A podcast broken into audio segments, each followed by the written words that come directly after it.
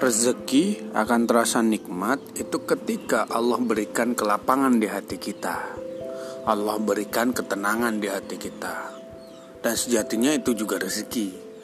Jadi rezeki bukan terletak kenikmatannya pada banyaknya, besarnya, bagusnya sesuatu yang kita dapatkan dalam hidup kita. Sebagus apa pun, sebaik apa pun, sebanyak apa pun yang kita dapatkan dalam hidup kita, ketika Allah menyempitkan hati kita, maka tidak akan terasa nikmatnya, tidak akan terasa bahagianya, tak akan terasa ketenangannya.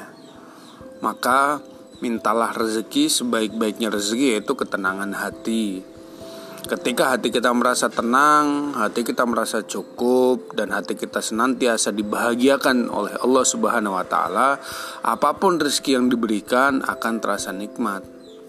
Akan terasa membahagiakan. Maka yuk berdoalah hati kita mudah dibahagiakan dengan apa pun yang Allah berikan.